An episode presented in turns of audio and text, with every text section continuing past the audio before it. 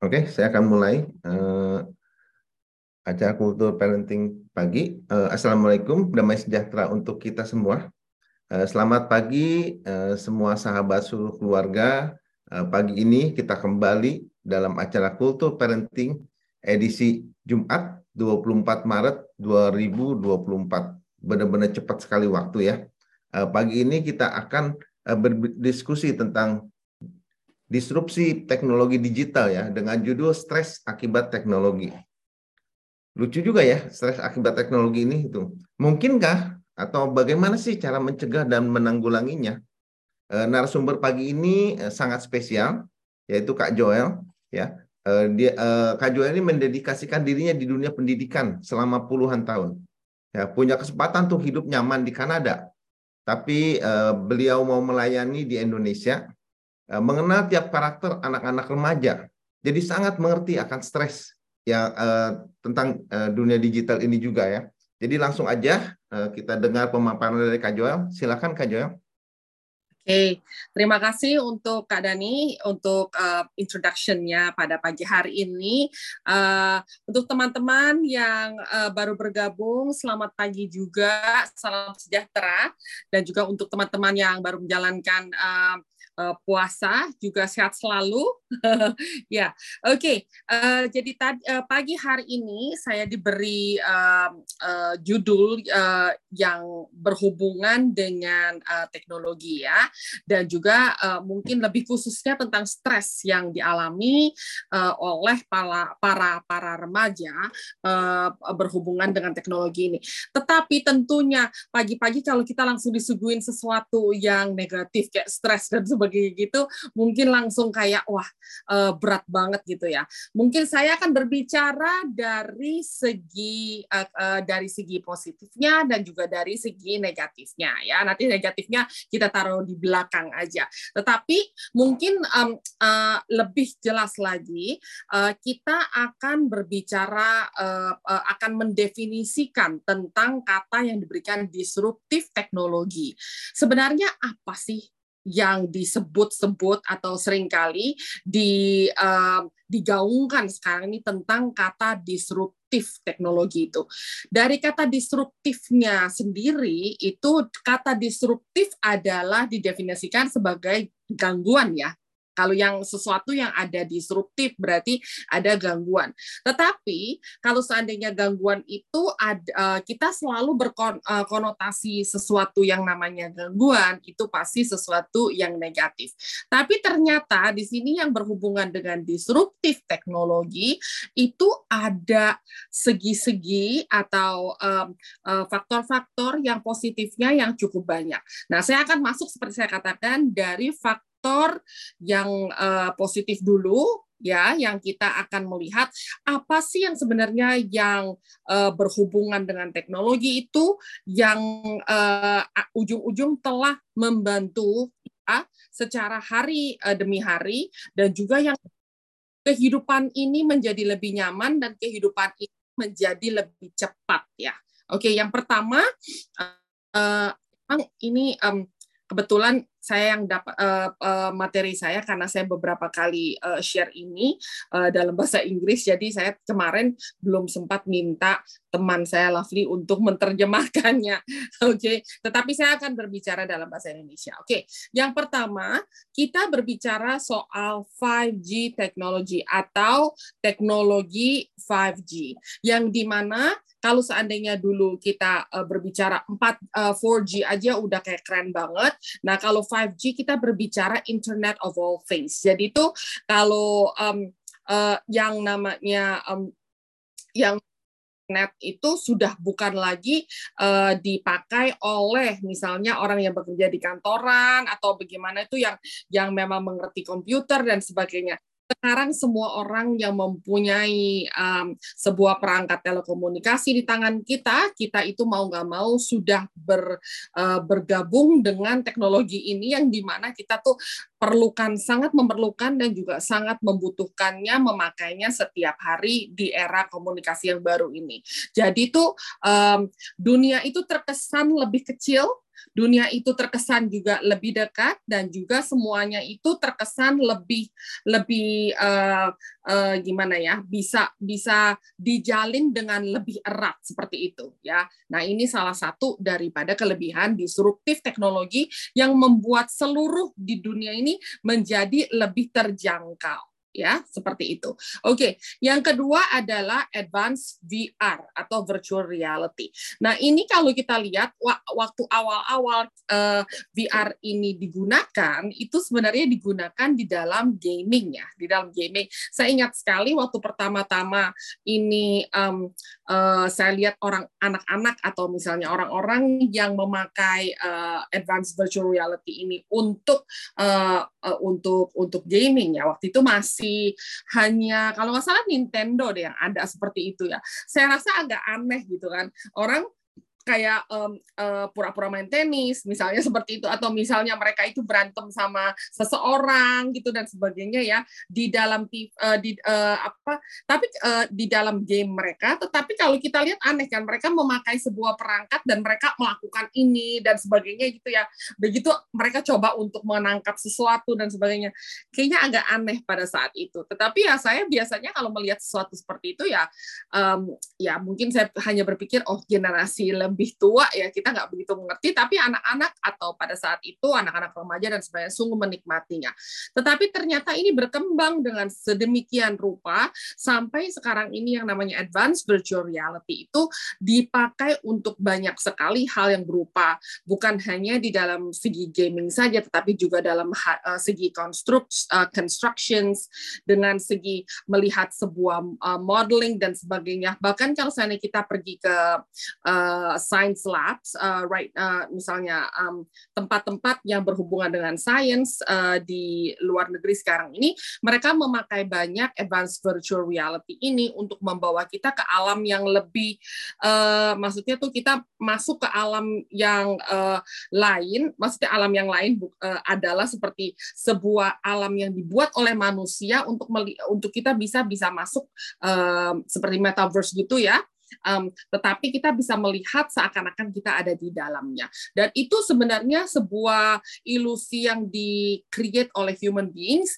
yang supaya kita bisa melihat sesuatu yang uh, didesain secara khusus untuk uh, untuk hal-hal um, tertentu seperti itu ya. Jadi advanced virtual reality ini akan akan nanti berkembang lebih dalam lagi di dalam uh, keseharian kita yang dulu mungkin awal-awal uh, ini adalah sesuatu yang masih awam tetapi nantinya kita sudah akan terbiasakan hal itu ya. Oke, okay. uh, sesudah itu ada lagi artificial intelligence dan machine learning yang di mana kita tahu sekarang ini bahwa AI sudah um, uh, banyak sekali menggantikan uh, pekerjaan maupun maupun eh, program-program uh, yang digunakan untuk lebih uh, memudahkan kehidupan manusia. Bahkan perang pun sekarang ini sudah banyak dibantu oleh um, oleh keberadaan daripada AI ini ya. Oke, okay. cloud services. Nah, saya tidak tahu eh, teman-teman uh, uh, seberapa seringnya untuk menyimpan data di dalam cloud. Saya sendiri uh, itu uh, yang saya sering simpan uh, di dalam cloud adalah file-file berupa uh, PPT uh, ataupun foto-foto uh, dan sebagainya yang uh, memang terlalu besar untuk saya simpan di dalam perangkat yang ada ya. Uh, ada teman saya itu dia biasanya kalau mengupload uh, foto aja satu hari itu bisa kayak uh, puluhan ya 80 sampai 70 memang beliau senang sekali untuk berfoto. Nah, saya lihat di dalam file dia di dalam IG saja. Kalau kami kan misalnya kita taruh uh, foto di IG dan sebagainya, mungkin paling banyak mungkin ada ratusan, itu aja udah cukup banyak ya. Uh, mungkin kalau influencer itu ribuan dan sebagainya. Tetapi teman saya ini punya belasan ribu. Bayangin aja cloud dia berapa penuh, awan dia itu berapa penuh dengan foto-foto yang ada dan sebagainya. Kalau seandainya tidak disimpan di sana, pasti perangkat kita semuanya akan sangat berat dan akhirnya baterainya ujung-ujung sangat lemot. Jadi cloud ini bukan hanya digunakan kalau dulu kalau kita berbicara tentang cloud itu kita masih berbicara tentang uh, companies yang memakainya ataupun kantor kantor-kantor karena itu menyimpan data-data mereka penting. Tetapi sekarang setiap daripada kita yang punya perangkat pun kita punya cloud kita sendiri yang kita simpan data-data pribadi ataupun sesuatu yang uh, kita kita uh, butuhkan di sana termasuk foto-foto sekarang ini kita sudah tidak mencetaknya dan menaruhnya di dalam di dalam uh, kita, uh, apa di dalam album tetapi kita simpan di dalam cloud kita. Oke okay. nanoteknologi. Jadi nanoteknologi ini adalah sesuatu yang um, uh, mungkin itu diperkecil. Ya kalau kita lihat dulu itu hal-hal um, yang hal-hal uh, banyak hal itu yang sekarang ini bisa diperkecil sedemikian rupa sampai bisa jadikan yang namanya nanochips, nanochip ya. Nanochip ini adalah revolusi kekuatan materi yang ujung-ujung akan membantu uh, sebenarnya tuh hal-hal seperti um, seperti di dalam uh, uh, agricultural ataupun even solar energy dan sebagainya membuatnya bisa bisa uh, menyimpannya menjadi energi yang baru dan sebagainya. Ini semua berhubungan dengan nanoteknologi yang berkembang sedemikian rupa yang ujung membantu uh, manusia untuk bisa hidup lebih nyaman lagi dan juga bisa hidup lebih efektif seperti. Nah, uh, yang berhubungan dengan cloud tadi juga ada lagi big data uh, collects. Jadi itu sekarang ini kalau kita lihat ya, uh, saya tidak tahu apakah teman-teman pernah uh, mengalami ini. Misalnya contohnya, teman-teman sedang berbicara banyak sekali tentang um, uh, tentang sesuatu gitu ya. Berbicara dengan teman-teman nih contoh. Contohnya gini, um, ada satu hari saya bilang begini, uh, dia bilang katanya waktu itu dia cuma cerita-cerita dengan kami, dia bilang katanya dia pingin beli kamera baru, dia bilang gitu. Tetapi belum ada uangnya, dia bilang gitu karena maksudnya kan kamera yang baru yang dia inginkan dan sebagainya itu agak mahal dan sebagainya. Tiba-tiba nggak lama kemudian itu uh, dia bilang di uh, sosial media dia dan sebagainya tiba-tiba banyak sekali menawarkan dia uh, loan jangka pendek ya jual loan jangka pendek. Jadi itu anak saya itu uh, dia itu sangat-sangat uh, uh, sensitif di dalam hal itu. Dia bilang katanya uh, mah tahu nggak kalau kita lagi berbicara apa pun sebenarnya ada yang mendengarkannya? Jadi itu kalau anak muda sekarang ini banyak tuh kamera di depan daripada handphone dia itu ditutup pakai stiker begitu apa dan sebagainya karena dia tidak mau. Maksud dia bilang katanya everybody's uh, we are being watched we are being uh, listened to. Dia bilang ada orang yang sedang melihat kita ada orang yang sedang mendengarkan kita. Sebenarnya itu adalah algoritma juga daripada apa yang kita uh, apa yang kita search dan sebagainya tetapi juga benar sih kalau misalnya ada yang namanya uh, seperti itu itu adalah sebenarnya big data sebenarnya yang sedang mengkoleksi data-data daripada kehidupan kita yang ujung-ujung mau menjualkan kita sesuatu ya. Nah, jadi itu itu ada segi negatifnya tetapi juga ada banyak segi positifnya juga sebenarnya. Oke. Okay? Yang uh, selanjutnya 3D printing ini juga uh, berkembang sedemikian rupa saya baru melihat ada beberapa orang um, anak muda yang inovatif sekali. Mereka uh, kalau zaman kita misalnya uh, banyak orang uh, mau masuk ke dunia fashion dan sebagainya, mereka itu um, membuka konveksi atau atau misalnya uh, apa pabrik dan sebagainya untuk uh, itu kan membutuhkan banyak sekali dana, men, uh, banyak sekali um, uh, mesin atau misalnya pekerja dan sebagainya. Tetapi ada seorang anak muda di Indonesia itu yang sekarang sudah memulai mendesain baju itu memakai yang namanya 3 3D printing. Jadi um, uh, ini hanya uh, hanya satu atau dua saja yang saya tahu yang sudah uh, menjalankan ini dengan sangat efektif. Dan uh, jadi itu kalau seandainya kita mau membuat uh, gaun atau misalnya apa dengan um, cepat ya yaitu satu dua hari uh, satu hari saja dia sudah bisa kerjakan. Karena uh, ada uh, parts tertentu dia itu memakai 3D printing untuk uh, uh, menggunakan 3D printing untuk um, men, menjahitnya seperti itu ya. Oke. Dan tentunya memang mungkin 3D printing masih bukan sesuatu yang umum uh, di Indonesia, tidak semua orang punya di rumah karena ini adalah sesuatu yang masih uh, tergolong cukup mahal. Tetapi kalau di luar uh, uh, sudah cukup banyak orang memilikinya dan juga di sekolah biasanya sudah pasti mereka memilikinya dan anak-anak diajarkan juga untuk bagaimana menggunakannya seperti itu ya. Oke, ini adalah 3D printing yang ujung-ujung nanti akan mempermudah uh, kehidupan dengan sedemikian rupa banyak hal itu yang bisa dibuat atau di uh, print sebenarnya menggunakan si 3D printing ini ya. Oke, okay, cyber security ini adalah sesuatu yang sangat-sangat uh, penting yang di mana seperti tadi kita katakan kita menyimpan begitu banyak uh, begitu banyak data dan begitu banyak um, kepentingan yang berhubungan dengan pribadi kita di cloud, ya tentunya juga harus ada yang namanya polisinya ya. Uh, part itu semua make sure dan bahwa uh, data kita tidak bocor dan sebagainya.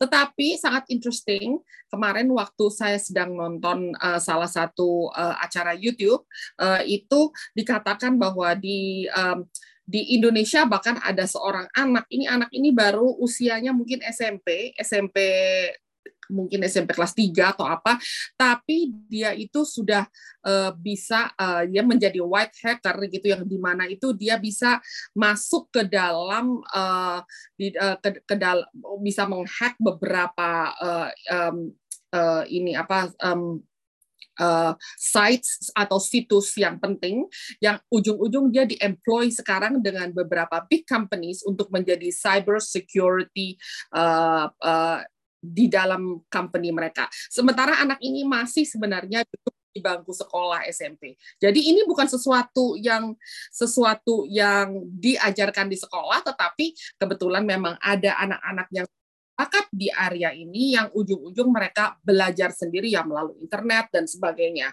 Ya, Oke, okay. oke. Okay, yang um, uh, terakhir adalah chatbots atau smart assistant yang di mana kita menggunakannya setiap hari. Bahkan sekarang ini, uh, oh beberapa hari yang lalu, uh, ponakan saya telepon kepada saya. Uh, panggilan hari-hari saya cincin, jadi itu itu adalah Chinese name saya. Oke, okay. dan kebetulan keponakan saya atau ipar saya sendiri namanya juga cincin itu jadi dia mau telepon mamahnya dia bilang uh, dia ngomong ke Siri dia bilang call Cing Cing. Ternyata yang yang ditelepon adalah saya tantenya seperti itu ya. Karena dia terlalu malas untuk untuk memencet nomor teleponnya dia suruh Siri untuk menelponnya dan akhirnya menelponnya kepada saya.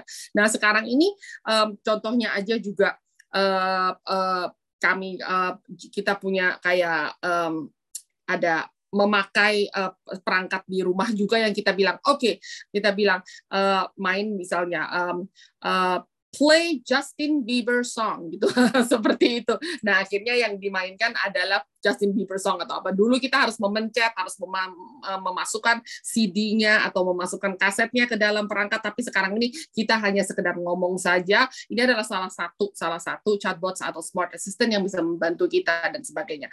Oke, jadi berhubungan dengan disruptif teknologi, kita melihat bahwa sebenarnya teknologi yang uh, sekarang ini berkembang itu akhirnya membuat kehidupan menjadi lebih efektif juga. Jadi bukan hanya sesuatu yang negatif semerta semata-mata selalu kita uh, katakan atau kita sharingkan dan kita bilang bahwa wah ini nih uh, sangat mengganggu atau sangat membuat anak saya menjadi uh, kecanduan atau membuat anak saya menjadi uh, tidak bisa lepas daripada hal ini dan sebagainya. Tetapi kalau kita berbicara soal disruptif tadi kita ada juga segi positifnya, segi positifnya daripada disruption tersebut. Nah, jadi uh, untuk uh, menyingkapi hal tersebut, kita lihat uh, dua slide ini dulu, ya. Oke, jadi kalau seandainya berhubungan dengan um, teknologi tersebut, kita melihat positifnya daripada teknologinya. Yang pertama itu membuat orang menjadi lebih kreatif. Saya rasa saya di sini uh, sudah pernah uh, sharingkan beberapa kali, anak-anak sekarang itu menjadi lebih kreatif justru karena teknologi. Mungkin dari gaming yang mereka main juga, akhirnya mereka mempunyai imajinasi yang lebih besar, yang lebih yang lebih luas, yang lebih kaya dan sebagainya uh, di dalam kreativitas mereka Contohnya aja, contohnya uh, saya mengajar salah satu mapel itu writing ya, mengajar uh, menulis dan saya uh, saya mendapati bahwa anak-anak sekarang asal dikorek potensinya itu mereka bisa membuat cerita yang sangat-sangat kreatif yang di mana kita aja nggak kepikir gitu loh. Saya uh, beberapa kali um, uh, uh, waktu saya mengajar uh, ini, uh, mengajar mapel ini, saya selalu challenge mereka untuk kalau seandainya kita bikin cerita, jangan hanya cerita satu hari ada orang ini ketemu orang ini atau apa. Saya bilang kalau yang namanya cerita seperti itu sangat boring ya. Bayangin aja kalau seandainya kita uh, nonton film, filmnya itu adalah tentang keseharian daripada kehidupan seseorang. Saya rasa setiap daripada kita akan mematikan uh, filmnya atau acara tersebut sesudah lima menit atau bahkan dua menit saya sendiri tidak akan bisa uh, menonton hal semacam itu gitu ya seperti itu saya bilang bahwa sesuatu yang kita mau tayangkan atau kita mau sajikan untuk orang mau membaca atau orang mau terus untuk uh, melihat karya kita itu daripada dari sesuatu yang kita tuliskan dengan sangat-sangat uh, you know it has to be um, out of the box ya. Harus sesuatu yang di luar daripada uh, hidup kehidupan kita yang seharinya. Dan uh, amazingly banyak daripada murid-murid saya yang akhirnya menulis yang uh, menulis cerita-cerita yang benar-benar tuh uh, ya untuk saya itu untuk umur mereka yang hanya di bangku SMP atau yang di bangku SMA itu mereka sangat-sangat luar biasa bisa menulis uh, sesuatu yang saya sendiri tidak tidak tidak bisa bayangkan gitu. Misalnya contohnya uh, kehidupan di luar angkasa atau misalnya bahwa ada cerita-cerita yang berhubungan dengan kerajaan uh, kerajaan yang lama tetapi dia buat menjadi modern dan sebagainya. Wah, pokoknya luar biasa deh seperti itu. Nah, itu kenapa? Karena karena uh, uh, perkembangan dari teknologi ini yang mereka itu banyak research, banyak juga mereka melihat sesuatu atau menggunakan sesuatu perangkat dan sebagainya, ujung-ujung membuat mereka menjadi kreatif juga. Oke, okay? oke. Okay. Kita juga lihat yang kedua adalah teknologi juga membuat uh, banyak uh, learning proses menjadi lebih mudah. Sekarang ini um, salah satu uh, daripada um, daripada uh, akademi, oke, okay, yang sangat-sangat berkembang adalah akademi yang mengajarkan melalui um, uh, yang uh, mengajarkan berbagai macam uh, subjects uh, itu melalui uh, online learning. Salah satu adalah Udemy. Udemy misalnya contohnya mau belajar apa sih? Mau belajar bikin kue tertentu atau mau belajar bikin lilin, belajar bikin sabun, bikin apa apa aja ada bahkan belajar um, uh, apa namanya memijat dan sebagainya itu ada di Udemy dan Udemy itu waktu awal-awal saya uh, uh, belajar melalui situs ini itu masih tidak terlalu banyak orang tahu. Tapi sekarang siapa tidak tahu Udemy? Udemy itu udah boleh bilang uh, adalah sebuah sebuah instansi yang menyajikan uh, lessons yang sangat murah, uh, sangat sangat uh, bagaimana ya um, affordable, tapi juga uh, uh, cukup bagus seperti itu ya. Oke, okay. uh, technology has improved decision making skill juga di mana kita kadang-kadang mau melakukan sesuatu uh, uh, maksudnya untuk mengambil keputusan sesuatu akhirnya kita melakukan sebuah research dulu. Dan anak-anak juga tahu itu yang akhirnya bukan berdasarkan dengan feeling semerta-merta tetapi juga uh, berdasarkan uh, data yang mereka dapatkan dan sebagainya. Oke? Okay? uh, dan juga mereka juga sekarang kita tahu banyak anak tuh punya TikTok banyak anak-anak juga punya IG dan sebagainya tahu bisa personal branding mereka sendiri. Walaupun kita lihat bahwa yang mereka uh, masukkan ke dalam IG mereka ataupun mungkin TikTok mereka adalah sesuatu keseharian mereka, tetapi itu sebenarnya personal branding mereka. Contohnya ada anak mungkin yang suka sekali uh, makan, mungkin setiap kali makan dia akan bicara soal makanan yang dia uh, dia makan dan sebagainya. Ujung-ujung eh tahu-tahu dia mendapatkan uh, mendapatkan kayak seperti tawaran untuk mereview makanan-makanan. Mereka dapat makanan gratis nih untuk direview dan sebagainya. Itu contohnya aja salah satu contohnya. Jadi ini adalah contoh-contoh positif jadi um, uh, yang kita bisa dapatkan daripada uh, teknologi disruptif teknologi yang tadi, teknologi yang yang uh, membuat kehidupan kita berubah ya. Oke, sekarang kita masuk ke sisi negatifnya.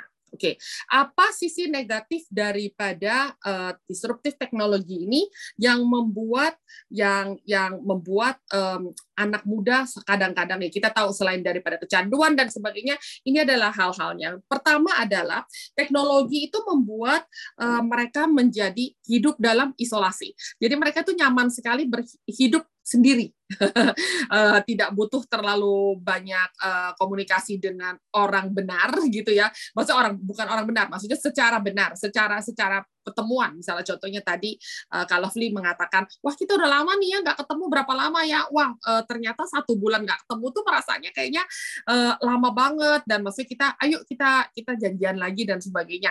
Nah itu kalau untuk kita um, itu adalah sesuatu yang biasa ya di generasi kita, tetapi untuk mereka bahwa uh, uh, kayak anak saya yang besar pun dia senang sekali me time itu dengan dengan uh, ya dengan perangkat dia sendiri, tidak terlalu harus untuk uh, bertemu dengan temannya untuk main dan sebagainya. Menurut dia itu adalah uh, kebutuhan yang sekunder untuk dia, tidak terlalu penting. ya, jadi sekarang itu adalah salah satu negatifnya ya. Begitu uh, technology creates is in um, jadi itu ada mereka tuh mendapatkan um, informasi-informasi yang tidak dibutuhkan atau inappropriate tidak pada waktunya uh, pada bukan bukan saat yang tepat. Contohnya, contohnya yang namanya iklan itu kan uh, biasanya flash dan sebagainya itu kadang kita juga tidak terlalu bisa dibendung ya. Tetapi um, kalau di uh, di luar itu banyak sekali diajarkan gimana caranya kita untuk untuk uh, menjaga anak-anak supaya tidak melihat iklan-iklan tertentu ya. Itu ada hal-hal yang kita bisa utak-utik di mereka punya perangkat dan sebagainya. Saya tidak tahu berapa banyak parents di sini tahu uh, dan sebenarnya melakukan terhadap anak-anak mereka misalnya contohnya ya. Uh, parenting discretion dan sebagainya seperti itu. Nah itu adalah hal-hal yang ujung-ujung bisa uh, membuat anak-anak kita terekspos kepada sesuatu uh, yang bukan pada saatnya terlalu dini. Ya itu ya. Oke hal yang selanjutnya adalah tentunya teknologi damages the health dan kita tahu bahwa terlalu banyak daripada um, daripada expose mereka ke uh, exposure kepada perangkat mereka membuat mereka mata mereka tidak bagus atau misalnya kadang itu uh, membuat mereka itu mengalami uh, kayak migran atau misalnya you know hal-hal semacam itu uh, yang berhubungan dengan health ya. Oke, sampai di sini ada pertanyaan sebelum saya membahas uh, dua um, slide yang terakhir. Ada pertanyaan mungkin? Silakan kakak-kakak kalau ada yang mau bertanya. Itu pemaparan yang luar biasa ya, terutama mengenai sebenarnya berguna banget ya. Teknologi ini sangat-sangat bisa sangat membantu kehidupan kita. Kita diakselerasi maupun kemampuan apa pun juga bisa dengan cepat sekali. Ya. Uh -huh. Uh -huh. Yes. Silakan. Atau mungkin kalau Fli mau menanggapi. Nah, aku malah mau minta antar itu dibagikan nggak? Karena malam ini aku juga minta bicara tentang apa sih yang dimaksud dengan disrupsi teknologi itu kan. Ya, ya. Uh, karena kalau nggak memahami disrupsinya, ya tidak bisa memahami dampaknya ya. Ya nggak Joel? Uh, ya, beberapa betul. kali saya diskusi sama uh, Joel ya uh, uh tentang kondisi-kondisi ini, ini, ini uh, apa sesuatu yang membagongkan gitu ya, mengejutkan gitu kan, uh, sesuatu yang kita lihat itu subtle ya, sesuatu yang kita lihat itu seolah-olah itu sesuatu keseharian kita ya, uh, anak-anak pegang HP, orang buka laptop gitu ya, tapi ternyata perkembangannya sudah sedemikian cepat gitu kan. Uh, yes. Kalau kita tidak segera membuka mata ya, Kak, Kak Joel ya, kalau nggak segera mengubah paradigma berpikir kita, nanti ini tahap keduanya ini yang lebih menarik karena ini juga mengejutkan buat saya. Uh, in a way juga Raka kemarin nyepi itu uh, Ci, uh, dia ada di atas kapal sendirian yeah. mm -hmm. uh, dengan sinyal yang sangat buruk berarti dia tidak sedang berasik masuk dengan gadgetnya ya. Jadi justru anak anak-anak sekarang itu jauh lebih bisa me time daripada kita yang gelisah kalau nggak ketemu orang gitu. betul betul, iya iya iya. Ya, ya, ya. ya kan, ya. Ci. Bapak keduanya ini yang sangat menarik nih. Oke, okay, oke. Okay. Nah, um, uh, mungkin sebelum saya masuk ke uh, slide saya, saya mau cerita sedikit ya. Jadi uh, waktu um, anak saya yang besar itu pernah mengalami yang namanya panic attack yang saya pernah cerita di sini ya uh, beberapa kali. Uh, pertama dia alaminya uh, itu waktu di sekolah waktu itu uh, usianya itu masih SMP. Pada saat itu dia sedang uh, waktu itu udah mau ujian uh, udah mau ujian tiba-tiba dia mengalami panic attack di sekolah. Itu pertama kali kami tahu bahwa dia mengalami panic attack. Dan sesudah itu waktu dia pindah ke Kanada uh, saya dikejutkan satu hari itu dia sedang sakit sebenarnya lagi lagi sakit flu biasa aja tapi kebetulan dia di rumah sendiri pada hari Minggu sementara yang lainnya sedang ibadah. Dia itu tiba-tiba dia mengalami panic attack. Waktu itu dia baru pergi belum lama sih ya. Jadi itu mungkin juga kangen keluarga dan sebagainya. Bahkan sampai ambulans datang waktu itu ya. Uh, panic attack yang dia alami itu uh, dia itu kaku, biasanya tuh kaku, uh, tangannya itu tidak bisa bergerak dan badannya itu dia tiba-tiba merasa kayak tidak bisa menggerakkan kakinya, dia merasa bahwa uh, uh, nafasnya itu agak sulit dan sebagainya gitu ya. Nah, um, nah beberapa kali yang uh, uh, terjadi lagi itu pernah terjadi di sekolah dan sebagainya. Nah, ternyata uh, waktu saya dapati yang namanya panic attack itu uh, itu waktu saya uh, menelusurinya dan mencoba untuk uh, uh, mencoba memahaminya. Ternyata ini adalah salah satu mental uh, health problem ya mental health problem yang dialami banyak anak muda sekarang ya ya kita nggak tahu uh, waktu zaman zaman saya uh, sekolah ataupun uh, jam di antar teman-teman saya saya tidak pernah mendengar yang namanya panic attack saya pernah mendengar misalnya orang pingsan dan sebagainya. Mungkin itu karena kenapa uh, uh, waktu upacara pagi belum makan atau misalnya bagaimana seperti itu itu masih ada. Tapi yang namanya panic attack itu jarang sekali. Tetapi ternyata kalau kita lihat di dalam di dalam uh, kesehariannya anak-anak muda, mereka tuh sering bicara, oh ya saya mengalami panic attack seperti ini, walaupun itu hanya singkat dan waktunya itu cepat dan sebagainya, tapi mereka mengalaminya. Dan untuk mereka ini adalah sesuatu yang kayak biasa gitu loh. Bukan biasa biasa gimana ya, tetapi banyak orang mengalaminya dan mereka merasa bahwa oke, okay, this is part of us seperti itu. Nah, waktu satu hari kemarin um, berapa minggu yang lalu kebetulan anjing kami yang sudah uh, 15 tahun bersama kami itu uh, passed on gitu ya. Anak saya nangis nangis nangis sampai aku juga gitu sampai sempat kayak mau mengalami panic attack dan pada saat itu uh, suami saya mengatakan kamu harus bisa mencoba untuk masa kamu nggak boleh begitu. Masa kamu tuh masa gara-gara gitu aja uh, kamu tuh bisa kayak kaku seperti tangannya dan sebagainya gitu ya. Sesudah itu terjadi lah ya sesudah itu terjadi. Dan guess what? My daughter said dad you think I want to be like this? Apakah uh, uh, saya mau seperti ini. Ini adalah sebuah mental problem, mental health yang saya juga harus menanggulangi. Saya harus mencoba untuk fight ya. And you got to understand, dia bilang begitu, seperti itu. Dan akhirnya suami saya nanya, emang maksudnya enggak lah zaman Dedi itu enggak ada tuh seperti itu tuh kalian terlalu lebay aja seperti itu ya itu adalah sesuatu yang akhirnya membuat anak saya juga cukup geram gitu kalau Dedi nggak ngerti jangan ngomong seperti itu this is something yang saya sendiri juga tidak mau tidak mau ini ini saya alami, tetapi ini adalah sesuatu yang saya alami. Nah, ini adalah salah satu contoh daripada yang seperti saya bilang negatif things yang dialami oleh uh, stres yang dialami oleh um, our kids atau uh, our the teens gitu yang akhirnya membuat mereka menjadi uh, yang yang yang yang kita tidak mengerti ya. Oke. Okay.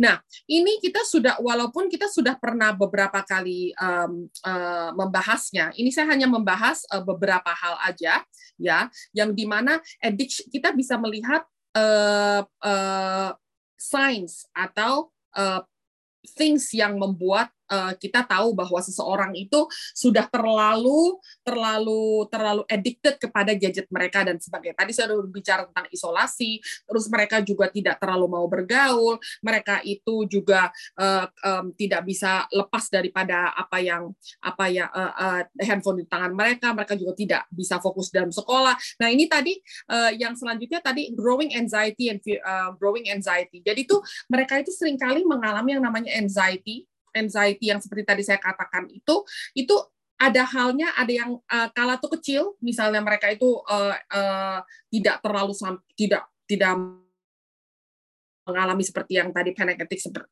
panic attack seperti yang saya katakan, tapi ada yang dikit-dikit tuh mereka menjadi kayak sedih, nangis atau misalnya lebih kayak emotionally imbalance gitu ya. Secara emosi itu tidak maksudnya tuh kayak gimana ya? Uh, mereka itu sangat tidak bisa uh, tidak bisa control ya, tidak bisa control seperti itu. Ya terus habis itu mereka merasakan uh, uh, sangat lonely dan juga depresi dan ini tidak yang mereka tidak tidak bisa utarakan kepada orang sekitar mereka. Kenapa ini bisa terjadi? Ujung-ujung karena mereka mengisolasi diri sendiri kan tidak mau terlalu banyak bergaul kan. Ya ujung-ujung pasti kan akan merasakan itu uh, di kemudian harinya. Yang di mana mereka sendiri tidak mengerti why is it like this ya. Kok saya merasa sangat, maksudnya I have so many friends saya punya mungkin di teman di di di uh, di sosial media atau uh, bagaimana saya mempunyai teman 500 600 kok kok saya merasa sepi ya? Saya kok merasa sendiri banget ya dan sebagainya. Nah itu ujung-ujung akan mereka rasakan pada waktu tertentu yang mereka merasakan uh, when when they come to that sense dan mereka merasa bahwa yes I have a lot of friends but I have no friends gitu seperti ya seperti itu ya. Mereka akan merasakan sangat lonely dan ujung-ujung depres ya. Oke. Okay. um, uh, terus abis itu juga uh, mereka juga akan merasakan bahwa um, uh, kayak seperti um, lama-lama gitu ya lihat lihat lihat lihat. Ya scroll scroll scroll scroll. Itu aduh bosen. Tapi sesudah bosen gitu tapi mereka pegang lagi. Nanti lihat lihat lihat lagi mereka bosen tapi masih tetap ini harus dipegang terus. Udah seakan-akan kayak seperti tidak bisa me, uh, tidak bisa meng, tidak mengakses telepon mereka ataupun anything social media dan sebagainya.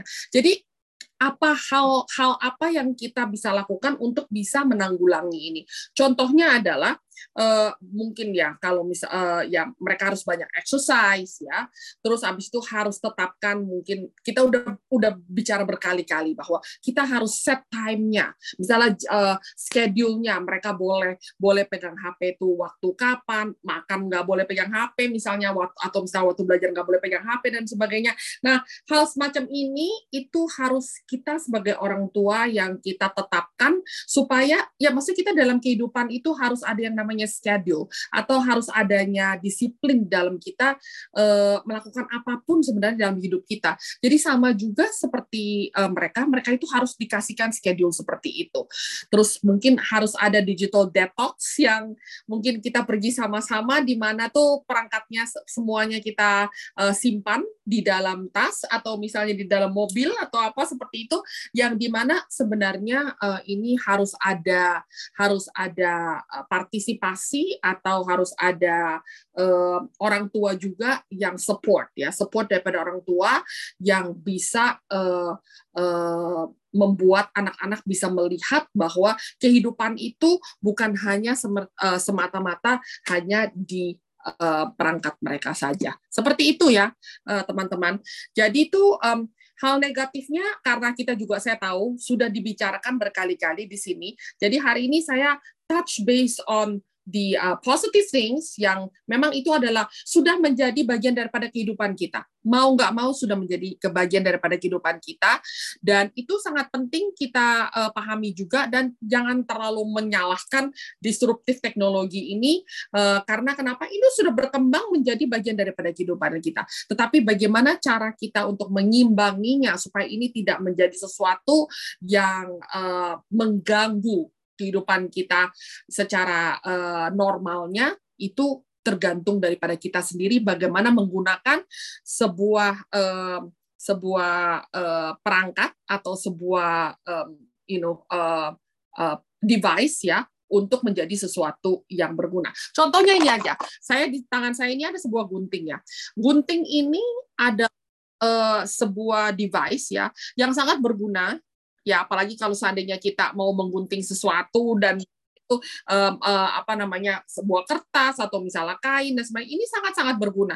Tetapi kalau gunting ini kita pakai untuk nusuk diri kita sendiri, ini akan membawa sebuah uh, apa namanya akibat yang sangat fatal. Ya kan? Kalau misalnya kita memegang gunting ini dan menusuk kita sendiri. Ya tentunya seperti itu. Jadi itu sebenarnya sama juga dengan teknologi yang ada itu uh, uh, itu akan menjadi sebuah disruptif yang sangat berguna atau positif tetapi juga bisa membawa hal-hal negatif itu di, uh, tergantung di tangan siapa atau tergantung bagaimana kita menggunakannya seperti itu oke okay? kita balik uh, saya balikan kepada Kak Dani dan juga Kak Lafli silakan Ya, eh, makasih pemaparannya eh, Kak Joel. Eh, mungkin ada yang mau bertanya ataupun mungkin bisa sharing juga kalau mau sharing. Itu Kak Golda sudah buka kamera mau ada yang mau disampaikan? Oh, enggak. Tanyanya siapa yang sudah pernah mencobakan apa yang Kak Joel tadi sampaikan kan? Siapa yang sudah pernah coba apa aja tuh Kak, eh, Kak Joel? Uh, siapa yang sudah bersahabat dengan ChatGPT? Ayo angkat yang sudah bersahabat loh ya, bukan nyoba loh ya, sudah bersahabat itu, sering-sering ngobrol, siapa yang apa tangan tangan gitu. Siapa yang sudah coba AI yang yang betul bikin. Jadi kalau sekarang masih pakai Photoshop ya yang apa badannya ditekan supaya pinggungnya jadi rapat gitu kan, akibatnya sebelah sebelahnya melengkong semua. Nah, harusnya pakai AI ya kan. AI itu punya ada yang kayaknya free juga ya Ci ya uh, uh, jadi dimasukkan situ gambar kita dan langsung dia menyempurnakan uh, uh, tubuh kita ya. Uh, ini kan makin kalau kita tu, uh, tujuan dari diskusi selama satu bulan ini sebenarnya kan mencari esensi. Sehingga waktu menghadapi ini semua sebetulnya apa yang mau kita berikan kepada anak-anak kita gitu kan? Dengan percepatan tadi Kak Joel bilang ditahan nggak bisa dan ini bisa bermanfaat. Sama seperti gunting tadi gitu kan? Di tangan crafter itu bisa menjadi alat membuat karya yang sangat indah. Tapi di tangan pembunuh ya itu bisa menjadi alat untuk membunuh gitu kan nah kan sekarang lalu bagaimana kita aku sangat tertarik ya dengan sangat sangat tertohok gitu dengan pernyataanmu Kak Joel yang bilang ya kita itu memang tanpa sengaja menciptakan gen alfa gitu kan. Kenapa? Karena kita ini adalah gen-gen apa orang-anak milenial, milenial kita nih ya, uh, gen Z, eh kita gen X ya, X ya, gen X yang baru dipapar teknologi. Jadi buat kita handphone itu makin bunderannya di belakang makin banyak, makin gede, itu makin keren gitu kan. Walaupun ujung-ujungnya dipakainya buat selfie, buat uh, apa chatting gitu ya paling-paling sosial media gitu ya. Kita tidak memahami fungsi sebenarnya. Dan tanpa paham itu dengan kekaguman kekaguman berlebihan itu kita merasa kita memberikan yang terbaik bagi anak-anak kita ya. Nah ini kan kalau kita tidak mengubah paradigma berpikirnya uh, celakalah anak-anak kita ya. Terutama uh, Kak Yanti pun sedang melakukan kegerakan uh, desa digital ya jadi internet masuk desa, desa digital gitu ya. Nah, saya senang tapi juga ngeri-ngeri sedap gitu ya kalau tidak dibarengi dengan uh, penyiapan kita menghadapi teknologi yang ada kita membuat mereka sama dengan peradaban ya Ci ya. Peradaban itu kan kita merasa kita membawa kebaikan gitu kan. Tapi ternyata banyak peradaban itu justru merusak apa yang sudah baik di tempat tersebut. Nah, ini saya rasa ini mirip-mirip begitu ya. Maka kita semua harus segera berubah nih. Eh, dengan mengetahui ini semua, jadi apa sebetulnya yang perlu kita berikan? Kalau menurut Ci Joel sendiri, dirimu kan sering berhadapan dengan remaja ya. Uh, aku sih tidak terlalu ya, uh, jarang berhadapan dengan remaja, paling-paling dengan anakku dan teman-temannya gitu ya. Apa sebetulnya yang kemudian mereka lack, ya kan lack, sehingga kita tahu nanti yang previous itu apa yang harus diberikan gitu kan. Lalu pada anak-anak yang sudah lag ini apa yang bisa kita kerjakan? Kan nggak mungkin lag oh ya sudah mau gimana lagi gitu kan. Dan how gitu. Jadi yang mereka kurang adalah sebenarnya untuk uh, mereka tahu bagaimana untuk membatasi diri ya, membatasi diri itu berhubungan dengan disiplin sih. Saya rasa di dalam kehidupan kita apa pun yang kita lakukan yang berhubungan dengan disiplin harus uh, harus uh, self discipline ya lebih kepada self discipline harus dimulai dari rumah. Jadi itu um, kalau seandainya mereka melihat contoh yang tidak baik di dalam diri kita untuk tidak bisa men self discipline kita melakukan sesuatu itu uh, ujung-ujung mereka mencontohnya. Ini uh, contohnya contoh seperti ini. Um, berapa daripada kita yang kalau seandainya kita bangun ya kita bangun tidur, uh, hal yang pertama yang kita lakukan adalah melipat selimut atau memberes, uh, memberes, maksudnya membereskan tempat tidur kita atau membiarkannya biar aja nanti mungkin ada yang kalau saya di sini masih memakai uh, pem, uh, uh, pembantu di rumah ya uh, dan sebagainya mungkin nanti pembantu yang bereskan dan sebagainya. Ini adalah salah satu hal yang contoh uh, very simple yang uh, kadang itu kita tidak uh, tidak merasakan bahwa kalau seandainya kita melakukannya dengan simple kan untuk melipat melipat hanya sekedar melipat uh, selimut atau membereskan tempat tidur itu adalah hal yang paling simpel yang kita lakukan yang di, akhirnya anak-anak lihat contohnya bahwa oh ternyata orang tua saya melakukan itu. Jadi waktu mereka ujung-ujung mereka harus kos sendiri atau uh, uh, tinggal sendiri itu kamarnya tidak menjadi kayak kapal pecah ya karena dia udah terbiasa oh ya ini sudah dilakukan di rumah. Ini contoh seperti itu. Jadi self discipline adalah sesuatu yang kita mulai dari sebenarnya hal kecil yang kita lakukan di rumah. Tidak berhubungan dengan teknologi, tapi misalnya contohnya udah makan terus piringnya harus taruh di sink atau apa, atau misalnya mencuci piring sendiri atau apa. Nah itu hal kecil yang kita pikir oh nggak usah ya eh, di tempat eh, di tempat eh, di rumah saya udah ada PRT yang bisa mengerjakan itu untuk bisa membawakannya ke belakang dan sebagainya. Well itu kalau seandainya dia tinggal terus sama kita ya. Kalau seandainya satu hari anak kita sekolah di luar, maksudnya di luar tuh nggak harus di luar negeri ya, maksudnya mereka harus ngekos sendiri dan sebagainya sebagainya, maka kita lihat banyak sekali anak-anak kita yang rumahnya udah kayak kapal pecah karena kenapa? Itu karena tidak ada self discipline. Sama juga berhubungan dengan teknologi, kalau seandainya disiplin itu tidak kita terapkan dari diri kita sendiri, yang di mana kita sendiri juga terlalu banyak pegang perangkat, kita juga apa-apa tuh membutuhkan, maksudnya perangkat kita tuh ke mana-mana harus kita kita pegang dan sebagainya, itu menjadi contoh yang sangat-sangat uh, ya maksudnya yang dilihat oleh anak-anak kita gitu ya bahwa kita pun seperti itu. Ini salah satu contoh contohnya. Yang kedua adalah uh, hal yang penting adalah mereka tidak bisa yang namanya memfilter ya kadang-kadang. Karena kenapa? Mereka tidak bisa memilih atau memilah yang mana yang sebenarnya uh, cocok uh, dari info sekian banyak informasi atau atau yang mereka tonton, yang mereka baca dan sebagainya. Mereka tidak punya uh, tidak punya kayak hmm, ability ya untuk bisa mengfilter hal-hal tersebut uh, untuk bisa uh, mengatakan bahwa this is something for me, this is not something for me, ini adalah sesuatu yang benar, sesuatu yang enggak dan sebagainya. Nah, contohnya uh, saya suka sekali nonton Netflix. Uh, saya uh, ada satu uh, acara Netflix yang membuat banyak orang heboh sekali ya tentang uh, ini ini sebenarnya dokumenter. Saya senang sekali nonton dokumenter soalnya. Dokumenter uh, uh, sekta-sekta atau bidat-bidat di Korea yang uh, uh, yang ujung-ujung tuh membuat begitu banyak orang tersesat ya di dalam ibadah mereka uh, dan tersesatnya tuh sangat-sangat mengerikan sekali. Ini sekarang lagi lagi heboh juga sih di Netflix ya acara tersebut karena ini adalah cerita cerita sungguhan. Nah, yang saya kaget dan saya itu berbicara uh, uh, dengan dengan suami saya adalah yang saya bingung adalah yang kalau dulu zaman zaman saya sekolah yang kita selalu diingatkan orang yang masuk ke bidat ya atau misalnya sekte-sekte yang sesat seperti itu banyak itu orang yang misalnya pendidikannya tidak terlalu tinggi terus mereka itu uh, datang dari keluarga yang tidak terlalu uh, apa namanya tidak terlalu masih yang yang abusive families atau misalnya yang bagaimana gitu. Jadi itu banyak yang konotasi negatif yang membuatkan mereka tersedot ke bidat-bidat tersebut sekta-sekta sesat tersebut tersebut. Tetapi ternyata yang saya tonton itu adalah itu mereka itu menjaring pengik, uh, apa pengikutnya itu dari universitas-universitas yang yang besar di Korea gitu.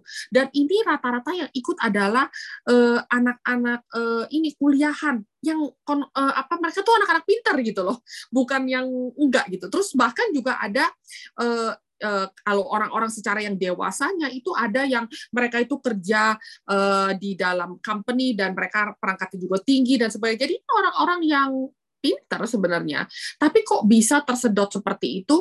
Itu karena yaitu uh, data yang mereka, maksudnya yang mereka dapatkan informasi ataupun segala hal yang mereka dapatkan, mereka tidak bisa mengfilter gitu. Jadi itu uh, mengfilter yang mana sebenarnya yang benar beda ya. Yang benar dan yang baik itu beda dengan yang uh, apa namanya what is it ya uh, how do I say jadi itu yang uh, benar dan baik itu beda. Jadi karena baik itu adalah sesuatu yang uh, uh, you know uh, apa yang baik untuk saya belum tentu Pak Dani merasa uh, Kak Dani merasakan baik atau Kak Lafri merasakan baik atau teman-teman di sini merasakan baik ya seperti itu. Karena itu sesuatu yang subjektif ya kan.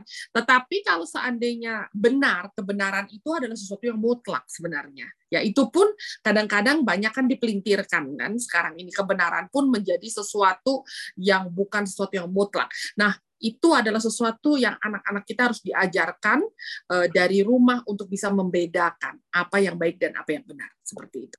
Oke, okay? balik lagi ke Kak dan uh, Kak silakan. Iya, uh, thank you. Uh, jadi apa uh, disiplin diri itu sangat penting ya untuk untuk kita juga belajar untuk menya bisa menyaring juga. Nah mungkin uh, Kak Joel ada satu hal yang tadi juga Kak Joel uh, tadi ada, ada slide terakhir itu mengenai bagaimana ada apa ada ada cara-cara lah ya. Kalau saya itu lebih cenderung ke pencegahan termasuk ada detox dan lain-lain gitu. Nah, kalau seandainya si anak ini sudah eh, addicted ya, sudah udah wah benar-benar seperti yang tadi Kak Joel bilang tuh dia mesti bawa handphone, nah, scroll, terus dia bosan tapi terus mau balik lagi gitu. Itu bagaimana untuk untuk untuk uh, bisa membuat dia lepas dari addictednya terhadap gadget ini? Ya, uh, sebenarnya addiction to anything ya, apa pun yang berhubungan dengan uh, kecanduan itu uh, ya kita bilang orang sakau ya. Yeah. Apakah itu uh, kecanduan uh, alkohol, ya substance abuse ya, atau misalnya rokok atau misalnya apa aja apa pun yang berhubungan dengan sesuatu yang kecanduan itu harus melalui proses tertentu untuk mereka bisa melepaskannya. Sama juga kalau seandainya kita lihat bahwa yang namanya kecanduan uh, eh, HP atau uh, sama sama persis seperti, seperti orang kecanduan substance abuse seperti alkohol ataupun seperti rokok atau misalnya pornografi atau apa seperti itu yang di mana memang harus ada ketekatan dari diri uh, orang tersebut untuk mau uh, uh, melepaskannya. Oh ya, melepaskannya itu yang pertama mereka harus sadar bahwa itu adalah sesuatu yang tidak baik untuk dirinya. Kalau seandainya dia masih uh, masih merasa bahwa itu adalah sesuatu not a problem at all, uh, hanya kita saja yang terus kita katakan bahwa kamu udah kecanduan, kamu udah keterlaluan gini segala, itu susah. Jadi kita harus uh, sebenarnya menyadarkan mereka dengan kita uh, dengan cara itu kita um, ada diskusi terbuka Menurut kamu kalau seandainya seperti ini, karena anak sekarang ini kita sudah tidak bisa caranya untuk menyuruh mereka kamu gini, kamu gini, kamu gini, udah seperti itu. Tapi lebih kepada diskusi. Kalau seandainya kita uh, apa namanya pegang, uh, maksudnya tuh kita terlalu uh, bergantung kepada perangkat kita dan sebagainya. Menurut kamu itu ada apakah itu ada sisi negatifnya? Mungkin kita korek dari pembicaraan yang pembicaraan yang gimana ya? Yang santai dulu gitu loh. Jangan langsung menjurus kepada sesuatu yang menghakimi. Jadi itu sesuatu yang santai kita diskusi dulu, terus biar mereka uh, itu yang yang memberikan kayak opini atau mereka itu yang yang kayak terbuka sendiri uh, terbuka sendiri bahwa ini adalah oh iya ya ternyata aku kalau begini tuh ternyata aku kecanduan ya dan sebagainya. Nah kalau seandainya seperti itu baru kita ajak mereka untuk berpikir lagi. Jadi menurut kamu apa yang baik ya yang kita bisa lakukan bersama ya gitu. Nah itu adalah sebuah uh, atau sebuah cara menurut saya untuk bisa mendidik juga. Jadi itu membuat mereka untuk bisa ada self awareness gitu mereka yang menyadari sendiri. Jadi bukan kita yang bilang, kamu tahu nggak tadi tuh mama tuh mendengar nih dari seluruh keluarga nih mengatakan gini, ternyata kamu tuh seperti ini, dan dan dan, gitu. Itu kan menghakimi banget gitu ya. Mereka bilang, aduh bosen gitu kan dengernya. Tapi kalau misalnya mereka menyadari orang yang ngerokok, itu um, merokok, mereka tuh tahu bahwa, oh iya ya, ini akan membuat saya menjadi tidak sehat, mungkin membuat saya menjadi mengalami hal uh, gangguan pernafasan dan sebagainya. Seperti itu. Mereka sendiri yang akan akan uh, apa namanya mencoba untuk uh, untuk kadet gitu. Karena mereka tahu ini adalah sesuatu yang tidak baik untuk mereka. Seperti itu. Ya. Jadi communication ya? Yes communication. Uh, uh, yes. Discussion ya sama sama anak-anak mereka. Uh, hmm. mungkin ada ada yang lain? Ada yang mau tanyakan atau mau sharing mungkin kak Irwan kak Ben Tadi Kak Vivi ada uh, ya, nyalain itu mungkin. Silakan Kak Vivi. Mau menambahkan? Uh, ya, sedikit aja Kak.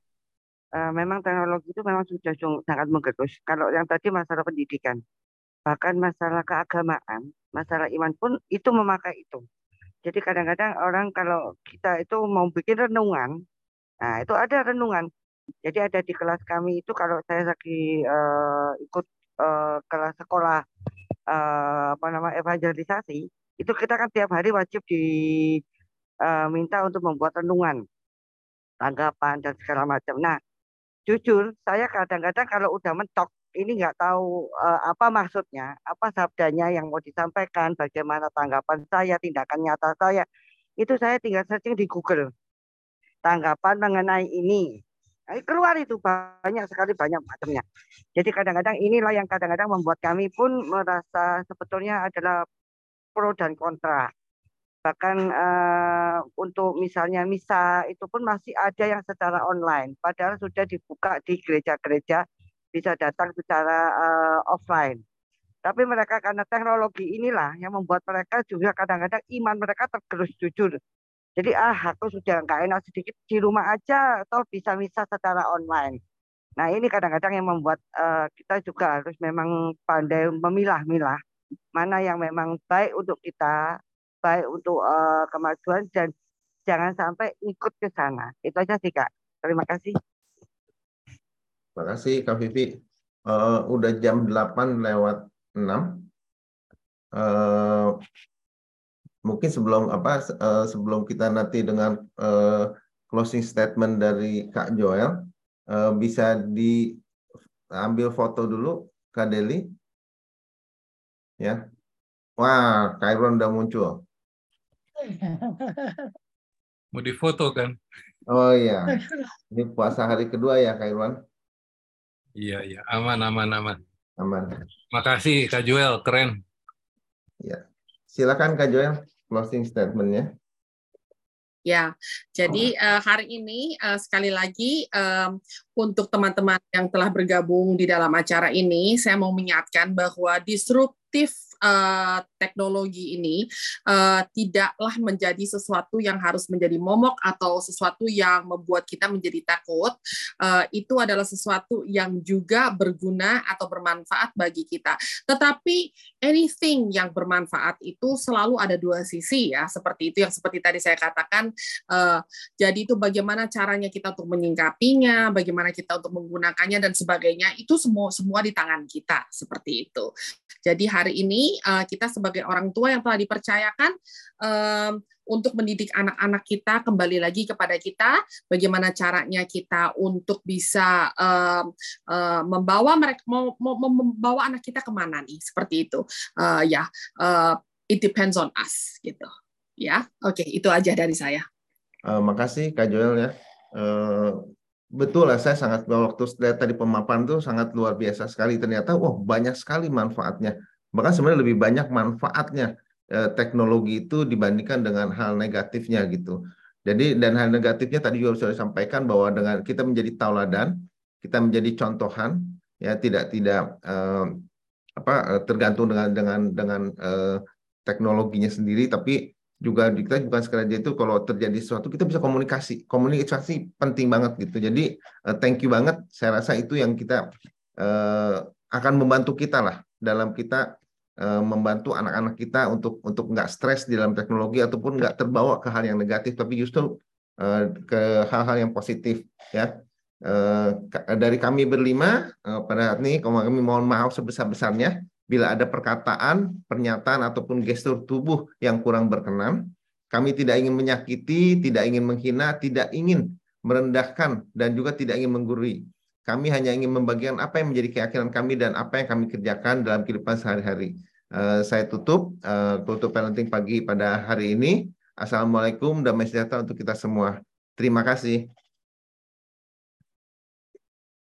Thank you, Kak Joel. Terima kasih Kak semuanya. Joel. Kak Lovely, Kak Irwan, dan Kak Vivi, dan semuanya. Saya pamit ya. Ya.